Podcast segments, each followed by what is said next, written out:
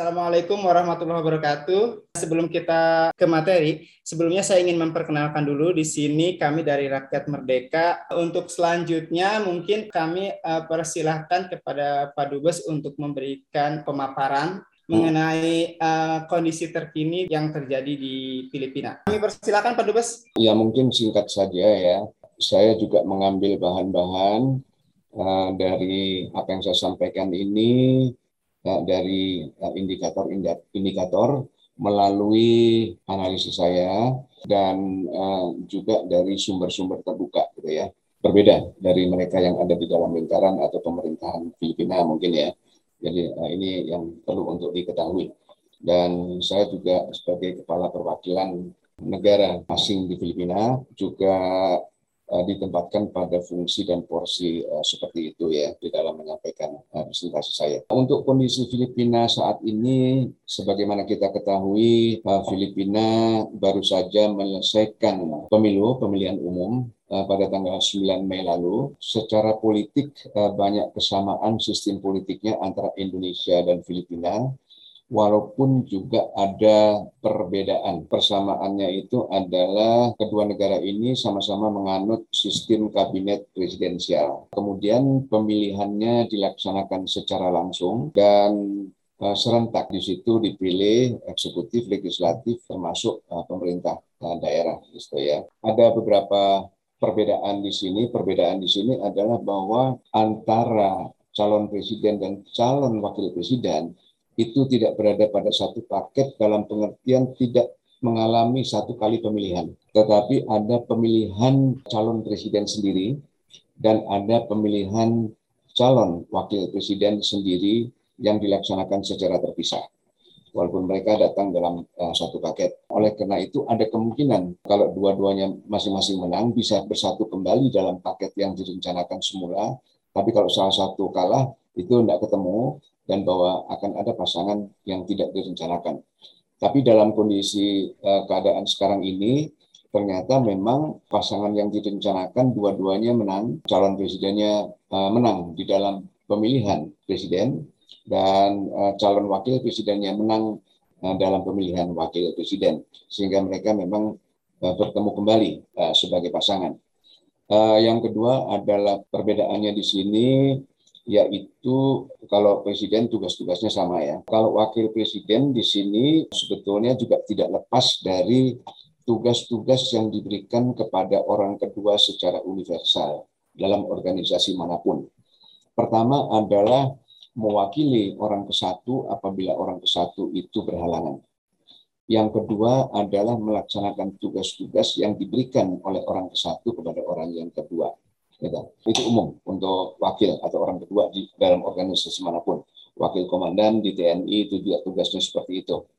Nah, di sini diperjelas secara konkret apa yang dimaksud dengan tugas-tugas yang diberikan oleh orang satu kepada orang yang kedua. Di sini uh, orang kedua bisa memilih untuk menjadi uh, menteri yang nantinya akan ditentukan oleh orang pertama secara setelah melalui perundingan menteri apa yang ingin diduduki oleh uh, wakil presiden dan untuk wakil presiden secara Duterte telah ditunjuk untuk menangani portofolio sekretaris pendidikan. Karena di sini sistem presidensial, maka menteri itu namanya sekretaris. Karena presiden sebagai administrator dan kemudian presiden sebagai administrator eh, sehingga yang namanya kementerian di sini itu adalah departemennya presiden dan kepala departemennya itu adalah pembantu presiden, oleh karena itu namanya sekretaris. Uh, ini persis seperti Amerika, di mana contohnya pertahanan itu adalah departemen pertahanan, menterinya namanya sekretaris pertahanan. Kemudian untuk uh, kebijakan luar negeri, lembaganya namanya adalah Departemen Luar Negeri, kemudian uh, menterinya namanya Sekretaris Luar Negeri. Oke, begitu. Dan dalam hal ini maka di sini karena masih menunggu pengumuman resmi dari Komelek. Komelek itu adalah KPU-nya di Filipina, maka sebutannya masih uh, presumptive president dan presumptive vice president. Presumptive itu uh, yang diperkirakan ya, uh, presumsi, ada asumsi, ini presumsi gitu. Uh, yang akan menjadi presiden. Nah, wakil presiden yang diperkirakan itu uh, telah uh, diberi portofolio, beri tanggung jawab oleh uh, apa presiden presumtif untuk menangani portofolio kementerian atau departemen pendidikan. Itu perbedaannya. Pemilihan umum di sini dilaksanakan dengan bantuan mesin untuk penghitungannya keuntungannya adalah bisa relatif uh, lebih cepat, kerugiannya juga kendala-kendala yang diakibatkan oleh mesin, yaitu mungkin gangguan mesin atau uh, ya intinya adalah dari uh, gangguan yang diakibatkan oleh karakteristik mesin yang bisa menyebabkan uh, delay ya, atau uh, pelambatan uh, pelambatan atau penundaan. Hal ini sudah dilaksanakan uh, dan sambil menunggu uh, keputusan formal hasil penghitungan uh, keseluruhan oleh Eh, Komelek atau KPU Filipina dinyatakan uh, memang calon presiden uh, Bongbong Marcos atau Marcos Junior yang merupakan anak dari mantan uh, presiden uh, Ferdinand Marcos atau Marcos Senior uh, itu telah mendapatkan suara yang terbanyak. Selisihnya dengan yang kedua yaitu mantan uh, wakil presiden yaitu uh, apa uh, Charles uh, Rini uh, itu cukup jauh, uh, cukup jauh uh, sehingga memang diperkirakan sulit untuk bisa menyamakan uh, dengan penyempurnaan-penyempurnaan ataupun dengan klaim-klaim uh, kekurangan yang ada. Uh, demikian juga dengan uh, presumptive uh, wakil presiden atau vice president uh, itu adalah Sarah Duterte, itu adalah uh, anak dari presiden yang sekarang Presiden Duterte. Jabatan sebelumnya itu adalah wali kota Davao.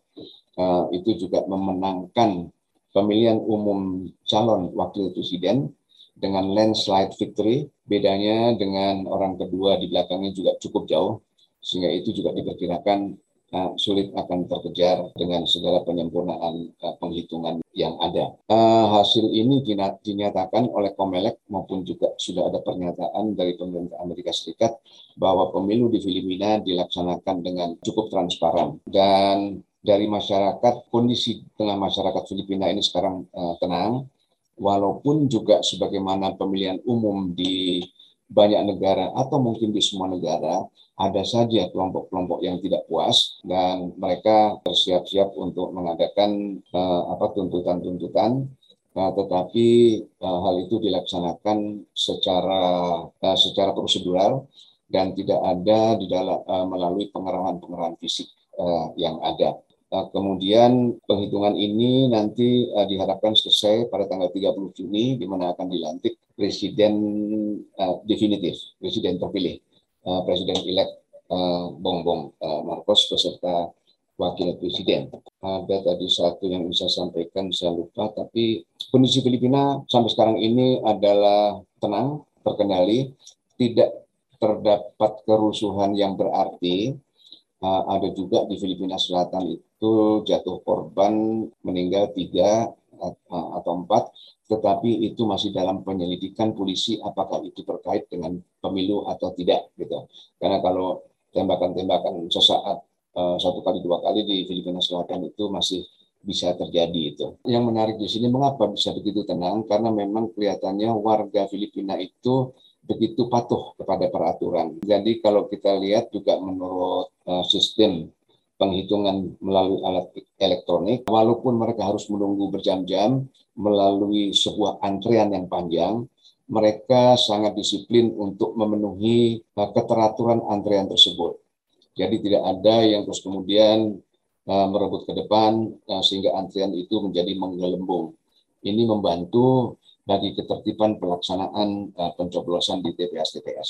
Di sini anggota militer dan anggota polisi ikut memilih uh, dan uh, tentu uh, dihitung itu uh, hasil dari dari pilihan-pilihan mereka itu. Sekarang ini uh, tadi presumptive presiden itu baru memulai untuk membentuk tim transisi. Nah, tim transisi ini akan bekerja untuk menjamin transisi yang lancar dari administrasi Presiden Duterte sekarang menuju nanti ketika administrasi presiden terpilih pada tanggal 30 Juni itu menduduki uh, jabatannya. Begitu kira-kira gambaran tentang Filipina pada hari ini cukup tenang dan cukup terkendali seolah-olah tidak terjadi pemilu. Saya kembalikan kepada moderator. Terima kasih Pak Dubes atas pemaparannya. Ternyata banyak hal unik uh, yang sedikit berbeda antara Filipina dan Indonesia, walaupun ada persamaan dari sistem pemilu. Di sini ada ternyata tadi katanya sistem pemilihan presiden dan wapresnya secara terpisah. Nah, untuk mendalami dari materi ini akan ada beberapa pertanyaan Pak Dubes. Yang pertama itu dari Ibu Ratna Susilawati sebagai pimpinan umum Rakyat Merdeka. Ibu Ratna kami persilahkan. Terima kasih moderator. Selamat uh, siang dan salam kenal yang mulia Pak Agus Wijoyo. Pak, uh, terima kasih tadi paparannya cukup jelas dan informatif. Sebetulnya kemenangan Bong-Bong Marcos ini di Indonesia banyak juga yang menotifikasi gitu ya, uh, apa mengkhawatirkan. Kan tema diskusi kita siang ini adalah masa depan Filipina di tangan Bong-Bong Marcos dan pengaruhnya untuk Indonesia.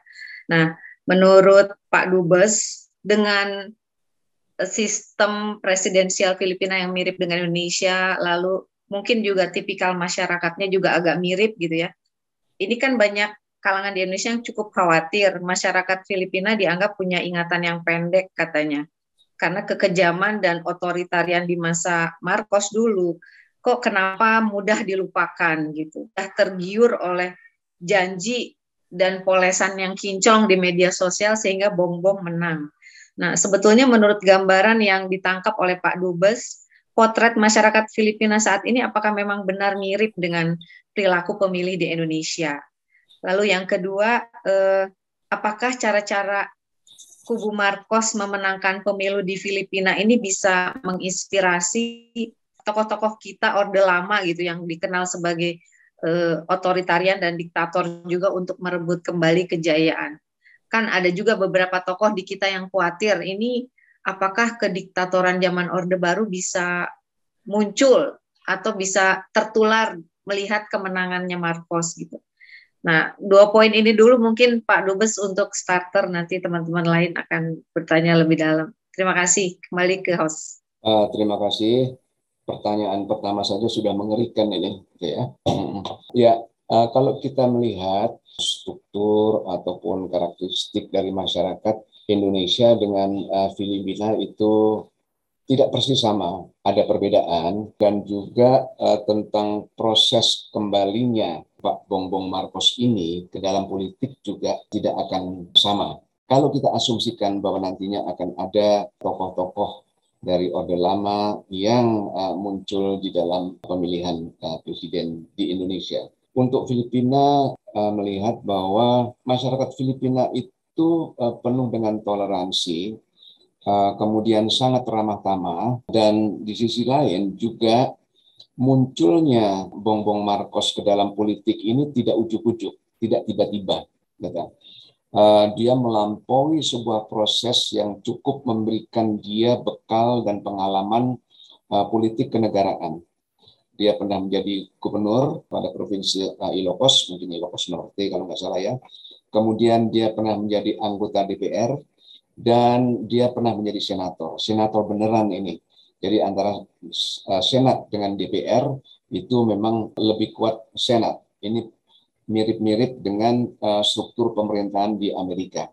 Beda dengan di Indonesia, di mana senator itu non-partisan dan atas nama individu perorangan, uh, senat di Filipina itu seperti di senat Amerika yang sering kita lupa, mereka tetap membawakan aspirasi partai. Sehingga daya geraknya sebagai politisi itu didukung oleh partai dan mereka memang membawakan aspirasi partai. Jadi ada sebuah kekuatan gerakan politik di dalam dirinya. Beda dengan uh, senator di Indonesia yang diklaim dalam anggota DPD, di mana mereka memainkan peran politiknya secara individual.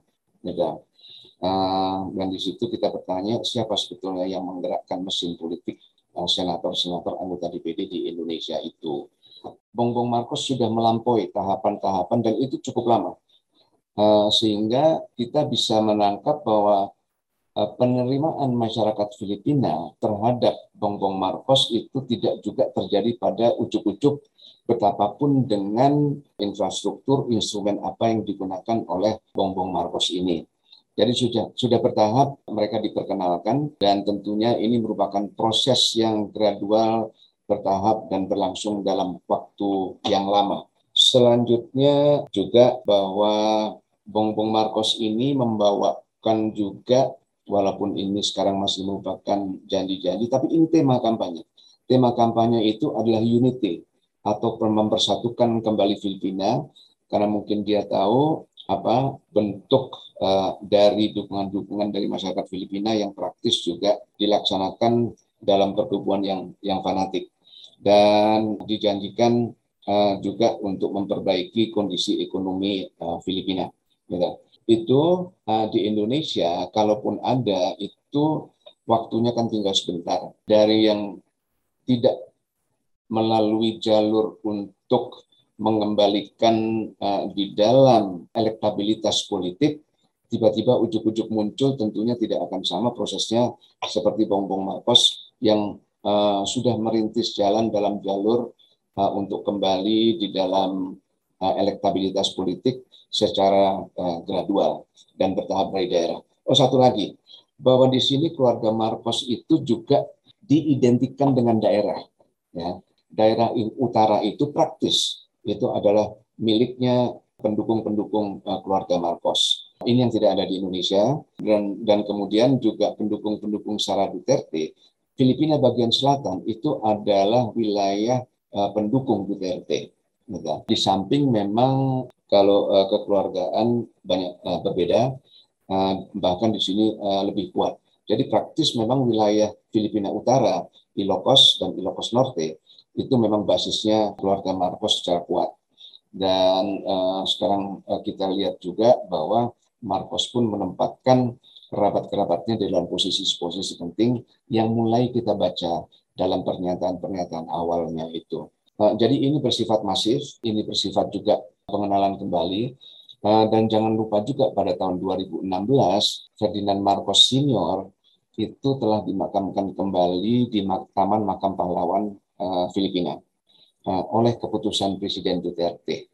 Jadi ini menempatkan Bongbong Marcos dalam sebuah cerita baru yang bisa uh, dibentuk citranya uh, melalui narasi uh, sesuai dengan tanda-tanda yang tadi saya sampaikan itu. Ini tidak terjadi di Indonesia. Tidak ada perkiraan yang sifatnya mutlak, ya pasti dan tidak pasti, tapi kembali saya katakan saya melihat dari indikator-indikator dan perbandingan-perbandingan, perbandingan ini tidak persis sama antara Indonesia dan dan Filipina.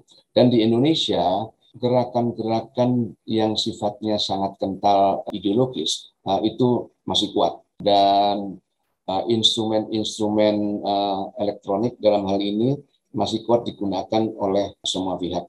Sehingga memang uh, tidak akan terlalu mudah bahwa pencitraan uh, elektabilitas itu berjalan satu arah dari satu sisi ke sisi lain, tetapi akan selalu menemui dinamika yang berhadapan uh, secara tajam. Itu mungkin perbandingan dalam situasi kemungkinan atau mengambil pelajaran dari menangnya Bongbong Marcos dan kemungkinan itu dipersamakan dengan kondisi di Indonesia bagi uh, kembalinya Orde Baru. Terima kasih Yang Mulia.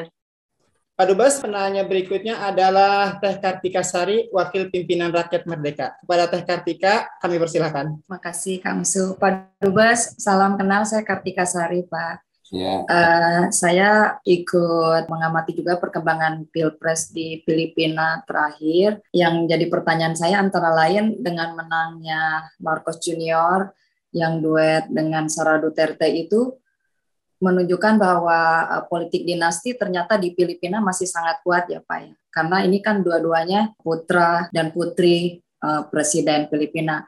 Nah, yang ingin saya tanyakan adalah apakah rakyat Filipina uh, terutama yang mencoblos uh, Bongbong Max ini sudah lupa ya bahwa ayahnya dulu itu seorang diktator dan koruptor yang sangat terkenal yang dijatuhkan uh, revolusi Pak ya kan oleh rakyatnya sendiri gitu.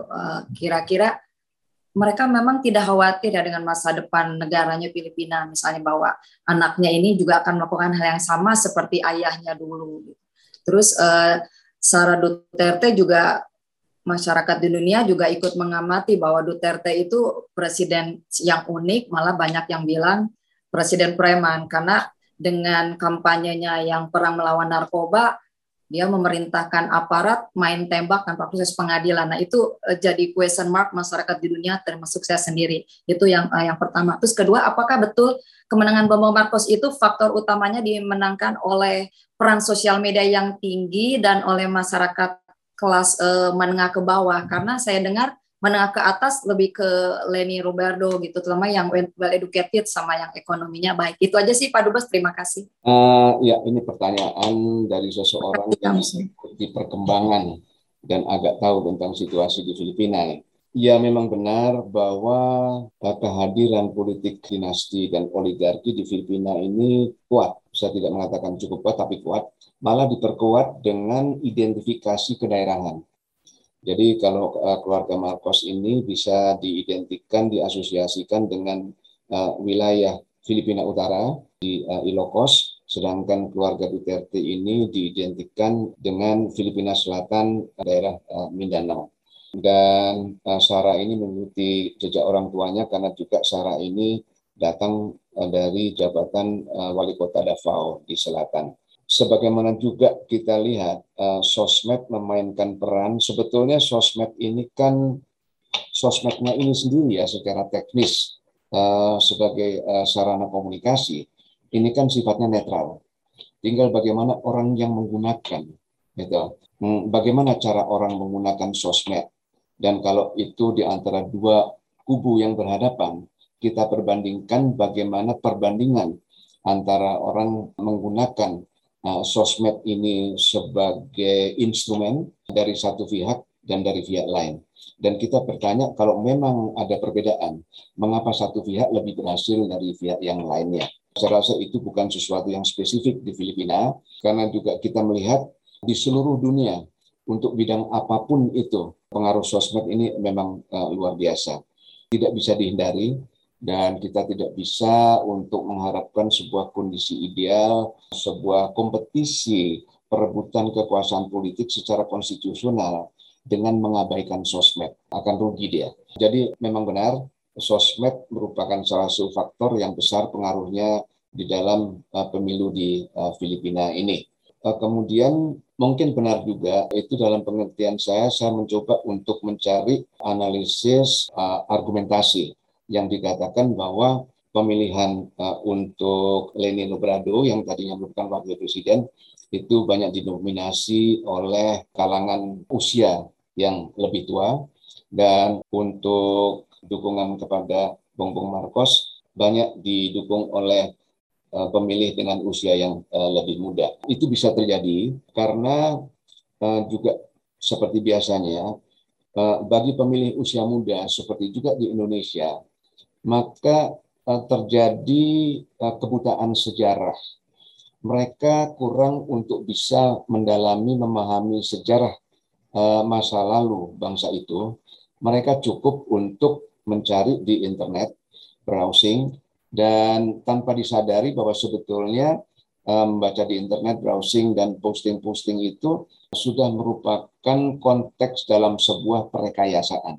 Gitu. Dan dikatakan bahwa generasi muda ini tidak pernah mengalami era administrasi Presiden Marcos Senior pada waktu itu. Sedangkan untuk usia yang lebih tua, uh, bukan karena mereka itu membaca sejarah, tetapi mereka mengalami sendiri bagaimana pengalaman mereka di dalam uh, era administrasi Presiden Marcos Senior. Walaupun itu juga sudah banyak dibantu seperti tadi saya katakan dengan indikator-indikator yang bisa diartikan sebagai merehabilitasi Presiden Marcos Senior dengan pemakaman kembali Presiden Marcos Senior di Taman Makam Pahlawan dan kemudian juga pengalaman uh, bertahap dari Marcos Junior, Bongbong Marcos ini melalui tangga-tangga pengalaman politik. Yang itu menunjukkan bahwa sebetulnya juga dia berhasil untuk dan itu berdasarkan pemilihan, nah, bukan pengangkatan. Ternyata memang sudah ada cukup penerimaan eh, entah dengan instrumen atau cara apa pun itu uh, terhadap keberadaan dia uh, di dalam uh, domain politik. Itu sebagai tanda-tanda ini juga fenomena politik di mana pun bahwa pemilih itu bisa merasakan hasil konkret efektivitas dari sebuah kebijakan yang berpengaruh ke dalam dirinya. Dia merasa sudah bisa lebih aman untuk melakukan mobilitas di malam hari di wilayah mana pun itu adalah hasil konkret dari kebijakan-kebijakan Presiden Duterte. Adapun bahwa dia melupakan tindakan-tindakan yang sifatnya uh, bisa dikatakan sebagai melanggar HAM, itu mungkin orang akan melihat kepada efektivitas. Kembali kepada efektivitas harapan. Sekarang apa sih harapan dari pemilih terhadap calon-calon presiden yang ada? Wapres incumbent, Leni Luberado ya, uh, itu membawakan nilai-nilai universal modern. Demokrasi, transparansi, lingkungan hidup, tapi kembali untuk pemilih yang ada di grassroots. Maka pertanyaan apa itu artinya buat saya?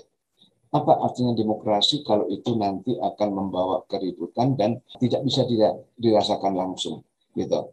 Terhadap Bongbong Marcos pun juga sebetulnya harapannya adalah uh, harapan dari pemilih dari kubu mana pun itu sebetulnya menuju kepada satu titik. Uh, apa itu artinya ini semua buat saya? What's in it for me? Dan apa yang sekarang itu in it for me?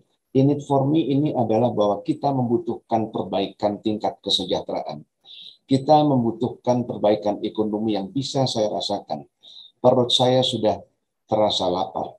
Jadi pada akhirnya itu hal-hal yang konkret sehingga tema-tema yang sifatnya abstrak dan idealistis mungkin ya mungkin uh, kita lihat juga di pemilu mana pun itu kurang untuk mendapatkan uh, perhatian. Contohnya uh, Amerika, pemilu Amerika. Kalau di dunia internasional kita akan memperhitungkan bagaimana kebijakan luar negeri Amerika di Timur Tengah uh, terhadap Asia Pasifik, terhadap negara berkembang, terhadap Palestina, Israel. Untuk publik dalam negeri Amerika, hal itu tidak penting yang penting adalah bis apa program calon presiden yang akan datang dalam rangka mengurangi pengangguran, dalam rangka menambah lapangan kerja, dalam rangka untuk memulihkan kembali perekonomian Amerika. Itu yang akan menjadi harapan-harapan tertentu bagi pemilih. Dan saya rasa itu uh, cukup umum di negara, di negara di negara mana pun. Artinya bukan cuma ekonomi, tetapi hal-hal yang konkret yang bisa dirasakan langsung oleh pemilih. Jadi mungkin secara umum, di samping saya menjawab sosmed dan juga politik uh, dinasti dan oligarki, uh, kita juga tidak bisa lepas dari fenomena pemilihan umum uh, yang secara umum terjadi uh, di negara mana pun itu. Begitu, Mbak. Terima kasih Pak Dubes. Penanya berikutnya, kebetulan beliau sudah hadir bersama kita. Kang Riki Handayani, pimpinan redaksi Rakyat Merdeka. Kang Riki, silakan. Terima kasih Kang Usu. Pak Dubes, salam kenal. Saya Riki, Pak. Saya ada tiga pertanyaan, Pak Dubes. Pertama, soal e-voting, saya kira menarik ini. Kita kalah sekali dengan Filipina. Di Filipina pemilihannya sudah pakai elektronik, kita masih manual. Walaupun KPU memang ada berencana, ada rencana untuk e-rekap itu udah udah mulai diusulkan mulai melalui elektronik, tapi di tingkat rekap cuma di di apa penghitungan akhir tetap memakai secara manual. Nah, yang pertanyaan saya, Pak Dubes, bagaimana orang Filipina bisa trust terhadap pemilihan secara elektronik ini bisa terbangun gitu. Dan pelajaran bagi kita apa ini? Sehingga kita juga bisa menerapkan uh, pemilihan secara elektronik gitu. Karena ini murah uh, meriah tapi persoalan kepercayaan ini yang di kita belum tumbuh itu soal e-voting ini. Itu yang pertama. Yang kedua, setiap pemilu selalu ada bagaimana gesekan antara Amerika dan uh, China. Nah, Pak Dubes melihat dengan kemenangan Bongbong ini bagaimana kedekatan nanti atau perang antara Amerika China di Filipina seperti apa nantinya. Yang terakhir uh, banyak analis yang uh, khawatir kemenangan Bongbong ini, kemenangan apa uh, Marcos Junior ini justru akan membuat erosi demokrasi di Asia dan khususnya Asia Tenggara itu. Bagaimana Pak Dubes melihat analisis ini? Terima kasih Pak Dubes. Baik, uh, terima kasih. Pertama, uh, bagaimana untuk membangun kepercayaan terhadap penghitungan dengan alat bantu elektronik? Uh, bagaimana kepercayaan orang-orang Filipina itu bisa terbangun. Kalau saya lihat uh, orang-orang Filipina ini di sini sangat toleran. Dalam pengertian toleran itu bisa kemudian menimbulkan bentuk kelanjutan sebagai patuh pada aturan dan ini menimbulkan uh, kepercayaan terhadap kebijakan-kebijakan yang dilahirkan oleh pemerintah untuk uh, kepentingan bersama seperti pemilu uh, dan lain-lain. Di sini saya melihat dari masyarakat uh, Filipina dibandingkan dengan masyarakat Indonesia yang sebetulnya masih terlalu fanatik untuk menggebu-gebu memperjuangkan kepentingan kelompoknya. Belum itu dilaksanakan saja sudah ramai gitu dilaksanakan akan selalu dicari bolong-bolong kelemahan-kelemahannya yang belum tentu itu benar. Ini membuang-buang waktu, energi. Uh, ini akan terus dilakukan uh, sampai tercapai tujuan. Mungkin juga silakan ditanyakan lanjut. Kemarin itu ada KPU, delegasi KPU RI ke Filipina atas undangan Komelek uh, sebagai observer. Mereka bercerita juga itu mengapa kok Indonesia belum dengan cepat mengadopsi pemilihan lewat alat bantu elektronik. Jadi uh, daripada saya salah, uh, tolong tanyakan kepada KPU, mereka punya alasannya dan itu logis uh, untuk kondisi Indonesia gitu ya. Hmm. Uh, sehingga kita belum bisa dengan cepat mengadopsi cara-cara yang digunakan oleh pemilu di Filipina. Jadi itu apa uh, tingkat uh, tingkat uh, semuanya itu bisa digolongkan satu ya kepatuhan, ramah tamah, gotong royong, nah, itu bisa digolongkan jadi satu. Kalau saya bisa nyimpang sedikit pembicaraan saya, itulah ciri-ciri kekuatan masyarakat Filipina, sehingga itu mendukung juga dari uh, andalan uh, sektor ekonomi, yaitu adalah international migrant ya, migran-migran yang diekspor ke luar negeri. Sehingga sifat mereka itu cocok dengan bidang-bidang uh, hospitality services gitu. Nah, ditambah lagi juga kesiapan mereka dengan bahasa Inggris. Sehingga migrant workers yang diekspor oleh Filipina ke luar negeri ini memang sudah bisa masuk di dalam golongan migrant workers yang profesional dan dihargai secara profesional. Dan itu juga dikelola oleh negara, dipersiapkan dengan baik sebelumnya. Tidak seperti kita yang itu terserah kepada individu, kemudian juga dengan uh, lembaga-lembaga uh, individu gitu sehingga uh, tidak terkontrol dan kebanyakan juga belum memenuhi kriteria uh, keterampilan profesional gitu. Nah, itu sambil lalu saja. Tapi itulah sifat sifat dari uh, karakter masyarakat Filipina. Uh, ini tadi masuknya adalah penggunaan uh, alat baru dan ini bukan pertama kali memang sudah beberapa kali ini bisa cepat untuk membangun kepercayaan masyarakat Filipina terhadap penggunaan alat bantu elektronik bagi penghitungan. Gitu. Kalaupun masih ada kesalahan dan itu ada uh, kesalahan yang menyebabkan penundaan-penundaan di dalam penghitungan, mereka bisa menerima itu. Jadi tidak di, uh, ujuk-ujuk diseruduk begitu aja, uh, tapi mereka bisa menerima dan ada jawaban-jawaban dari penyelenggara mengapa itu terjadi dan uh, berapa lama itu diperkirakan akan uh, terjadi sebelum itu diperbaiki. Nah, jadi mungkin itu tidak bisa lepas dari karakter masyarakat Filipina. Selanjutnya uh, gesekan Amerika Serikat dan Cina uh, ini memang menarik untuk uh, diperhatikan. Sebetulnya juga ini juga bukan unik untuk negara Filipina, tapi unik untuk negara-negara Asia Tenggara yang bisa terjepit di tengah dari gesekan Amerika dan uh, dan Cina. Kalau kita mau jujur dan uh, terus terang. Tapi kalau dilihat dari track record, sebetulnya pemerintahan Filipina itu uh, cenderung ke mana di dalam rekam jejaknya. Presiden Duterte mencoba untuk mengadakan uh, pendekatan uh, dengan Cina, tetapi juga dia lihat tidak banyak harapan karena juga walaupun Filipina menang di dalam sidang arbitrase internasional, toh Tiongkok tidak mau mengakui. Uh, tetapi juga ada juga kelompok-kelompok yang sifatnya itu permisif dengan mengatakan ya kesepakatan itu kan kedua belah pihak. Uh, kalau hanya satu pihak saja yang mengakui kesepakatan, namanya itu bukan kesepakatan, gitu. Dan juga trust dari masyarakat uh, Filipina terhadap Tiongkok menurut survei yang ada itu cenderung untuk merosot. Ini kita lihat juga dari kebijakan Presiden Duterte yang kemudian mengadakan uh, peninjauan kembali terhadap hubungan bilateralnya dengan Amerika dan mengingatkan bahwa masih ada perjanjian keamanan bilateral yang masih berlaku, di mana dikatakan kalau satu negara itu diserang oleh negara lain, maka misalnya Filipina diserang, maka Amerika wajib wajib untuk memberikan bantuannya. Sebaliknya kalau Amerika diserang oleh negara lain, maka Filipina juga wajib untuk memberikan bantuannya kepada Amerika. Itu diingatkan masih berlaku. Sehingga itu bisa kita tafsirkan bahwa pemerintahan Filipina juga cenderung untuk mengingatkan kembali masih punya hubungan yang mengikat dengan Amerika dalam bidang keamanan. Kita masih perlu melihat untuk ke depan dari pemerintahan yang baru, tetapi juga kita melihat terutama dengan derap langkah dari pemerintah Tiongkok di wilayah yang uh, disengketakan antara Tiongkok dengan Filipina, Tiongkok makin menunjukkan asertivitas, ya gerakan-gerakan yang sifatnya semakin mendesak Filipina. Tentu ini akan menempatkan Filipina dalam posisi defensif. Ini perlu untuk kita lihat karena masing-masing juga punya track record yang pernah dekat dengan uh, Tiongkok.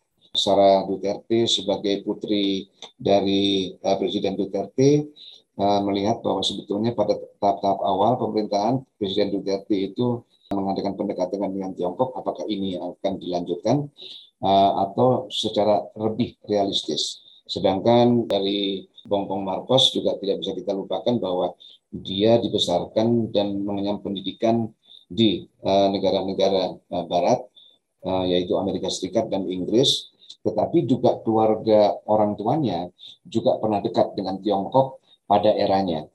Masalahnya adalah pemerintahan Marcos Junior sekarang ini terjadi di dalam kondisi dan konteks yang berbeda. Baik itu internal untuk dirinya dalam melahirkan kebijakan-kebijakan maupun kondisi eksternal yang berpengaruh uh, kepada kebijakan yang bisa dilahirkan. Untuk ini dan pemerintahan uh, ini uh, kalau memang nanti akan diumumkan secara resmi oleh Komelek atau KPU Filipina uh, itu uh, belum dinyatakan uh, dengan jelas kebijakan-kebijakan mereka. Jadi kita masih menunggu, we still have yet to see ke mana arah kebijakan luar negeri Filipina di dalam administrasi yang sekarang. Begitu, Mas. Terima kasih Pak Dubes. Ada satu lagi penanya Pak Dubes, pimpinan redaksi RMID, Mbak Pesti Hestiarini. Mbak Hesti, kami persilakan. Baik, terima kasih Kang Usu. Selamat siang Pak Dubes. Bagaimana pengaruh terpilihnya Bongbong uh, terhadap kaum muslim Mindanao, Pak?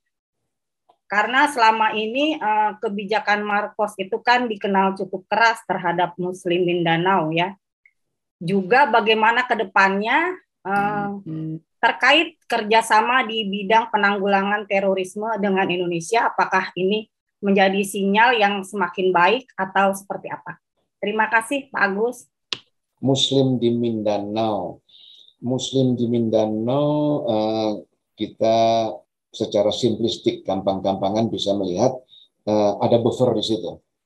Hmm, jadi Pak, walaupun kita toh percaya bahwa Marcos itu di masa lalu tidak terlalu friendly terhadap komponen uh, muslimin di Filipina. Tetapi sekarang kita punya buffer, yaitu buffer pertama adalah uh, incumbent Presiden Duterte yang juga cukup populer sebetulnya dan itu diteruskan uh, oleh anaknya Sarah Duterte yang memang memenangkan pemilu wakil presiden. Jadi kita bisa berharap bahwa aspirasi dari kaum muslimin di Filipina Selatan itu akan dibawakan melalui wakil presiden uh, Duterte, Sarah Duterte itu. Dan kondisi sekarang sudah berbeda uh, dari dulu, uh, di mana juga wilayah Filipina Selatan di Mindanao pada umumnya itu adalah aman terkendali dengan diberikannya otonomi khusus uh, bagi bangsa Moro. Itu, itu sudah banyak meredam dari potensi-potensi instabilitas ya di selatan. Uh, dan sebetulnya di selatan itu di Mindanao saya sudah dua kali mengunjungi Davao. Tidak seperti yang apa saya gambarkan ketika di Jakarta bahwa di sana banyak penculikan, banyak tembakan. Di sana sama dengan wilayah Filipina lainnya. Dan dulu itu uh, yang menjadi masalah itu kan Marawi itu yang diduduki oleh kelompok-kelompok uh, pengikut ISIS. Kemudian saya bertanya uh, bagaimana uh, dengan sisa-sisa uh, siapa itu sebetulnya yang menduduki Marawi? Yang menduduki Marawi itu adalah bukan kelompok-kelompok muslimin dari Mindanao, tetapi adalah yang datang dari luar Filipina, yang datang sebagai alumni dari Afghanistan, alumni dari Syria. Dan itu sudah bisa dihancurkan oleh uh, pemerintah Filipina. Walaupun juga kita masih uh, bisa mendengar satu, dua, tiga tembakan di situ. Gitu. Uh, apa uh, sikap dari pemerintahan Marcos Junior sekarang ini uh, sudah jauh berbeda dengan sikap dari pemerintahan Marcos Junior pada waktu itu. Sekali lagi konteksnya sudah jauh berbeda, aktor-aktor politiknya juga uh, sudah berbeda, sehingga kita harapkan uh, bahwa uh, kebijakan uh, Presiden Duterte selama ini akan uh, bisa dilanjutkan untuk memelihara stabilitas keamanan uh, di uh, Filipina uh, Filipina Selatan. Kemudian untuk sikap kerjasama uh, lawan teror dengan Indonesia, saya rasa itu tidak tidak tergoyahkan karena ini merupakan kepentingan mutlak bersama di antara dua negara dan kita bisa untuk saling mengisi di dalam kebijakan itu dan penerimaan dan tanggapan terhadap kerjasama ini pada kedua belah pihak sudah sangat positif.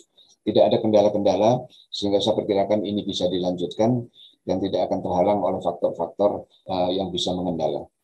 Begitu Bu? Baik, terima kasih Pak. Terima kasih sekali Pak Dubes uh, atas paparan informasi. Namun sebelum itu kami mengharapkan ada closing statement dari Pak Dubes. Closing uh, statement yaitu uh, adalah bahwa kita perlu untuk mempunyai kedalaman terhadap sebuah fenomena, terutama yang terjadi di negara lain, dan tidak serta-merta mengambil kesimpulan karena kesamaan-kesamaan atas asumsi kita sendiri. Tetapi bahwa tiap negara itu punya karakter yang berbeda-beda. Dan ini akan memberikan konteks yang sangat berbeda. Walaupun banyak persamaan. Yang saya maksudkan tadi adalah kembalinya eh, Marcos Junior dari klan keluarga Marcos yang di masa lalu dikenal sebagai otoriter dan uh, uh, banyak melanggar HAM, ini tidak serta merta bisa kita tarik untuk kita bisa bersamakan untuk kondisi di dalam negeri. Dalami apa uh, keadaan yang ada, cari data-data, uh, informasi, terus kemudian uh, kita cerna dan uh, kita analisis untuk sampai kepada pemahaman atas perbedaan karakter di antara Indonesia dengan negara lain. Gitu ya. Hmm. Terima kasih Pak Dubes. Uh, paparan dari Pak Dubes ini nanti akan kita jadikan berita. Baik, kita tutup saja diskusi kita siang ini. Kami berdoa Pak Dubes di sana beserta para staf-staf KBRI senantiasa dalam keadaan sehat dan dapat menjalankan uh, segala tugas dengan baik. Demikian, saya akhiri. Wassalamualaikum warahmatullahi wabarakatuh. Terima kasih. Waalaikumsalam. Terima kasih Pak Dubes. Terima kasih Pak Dubes. Salam.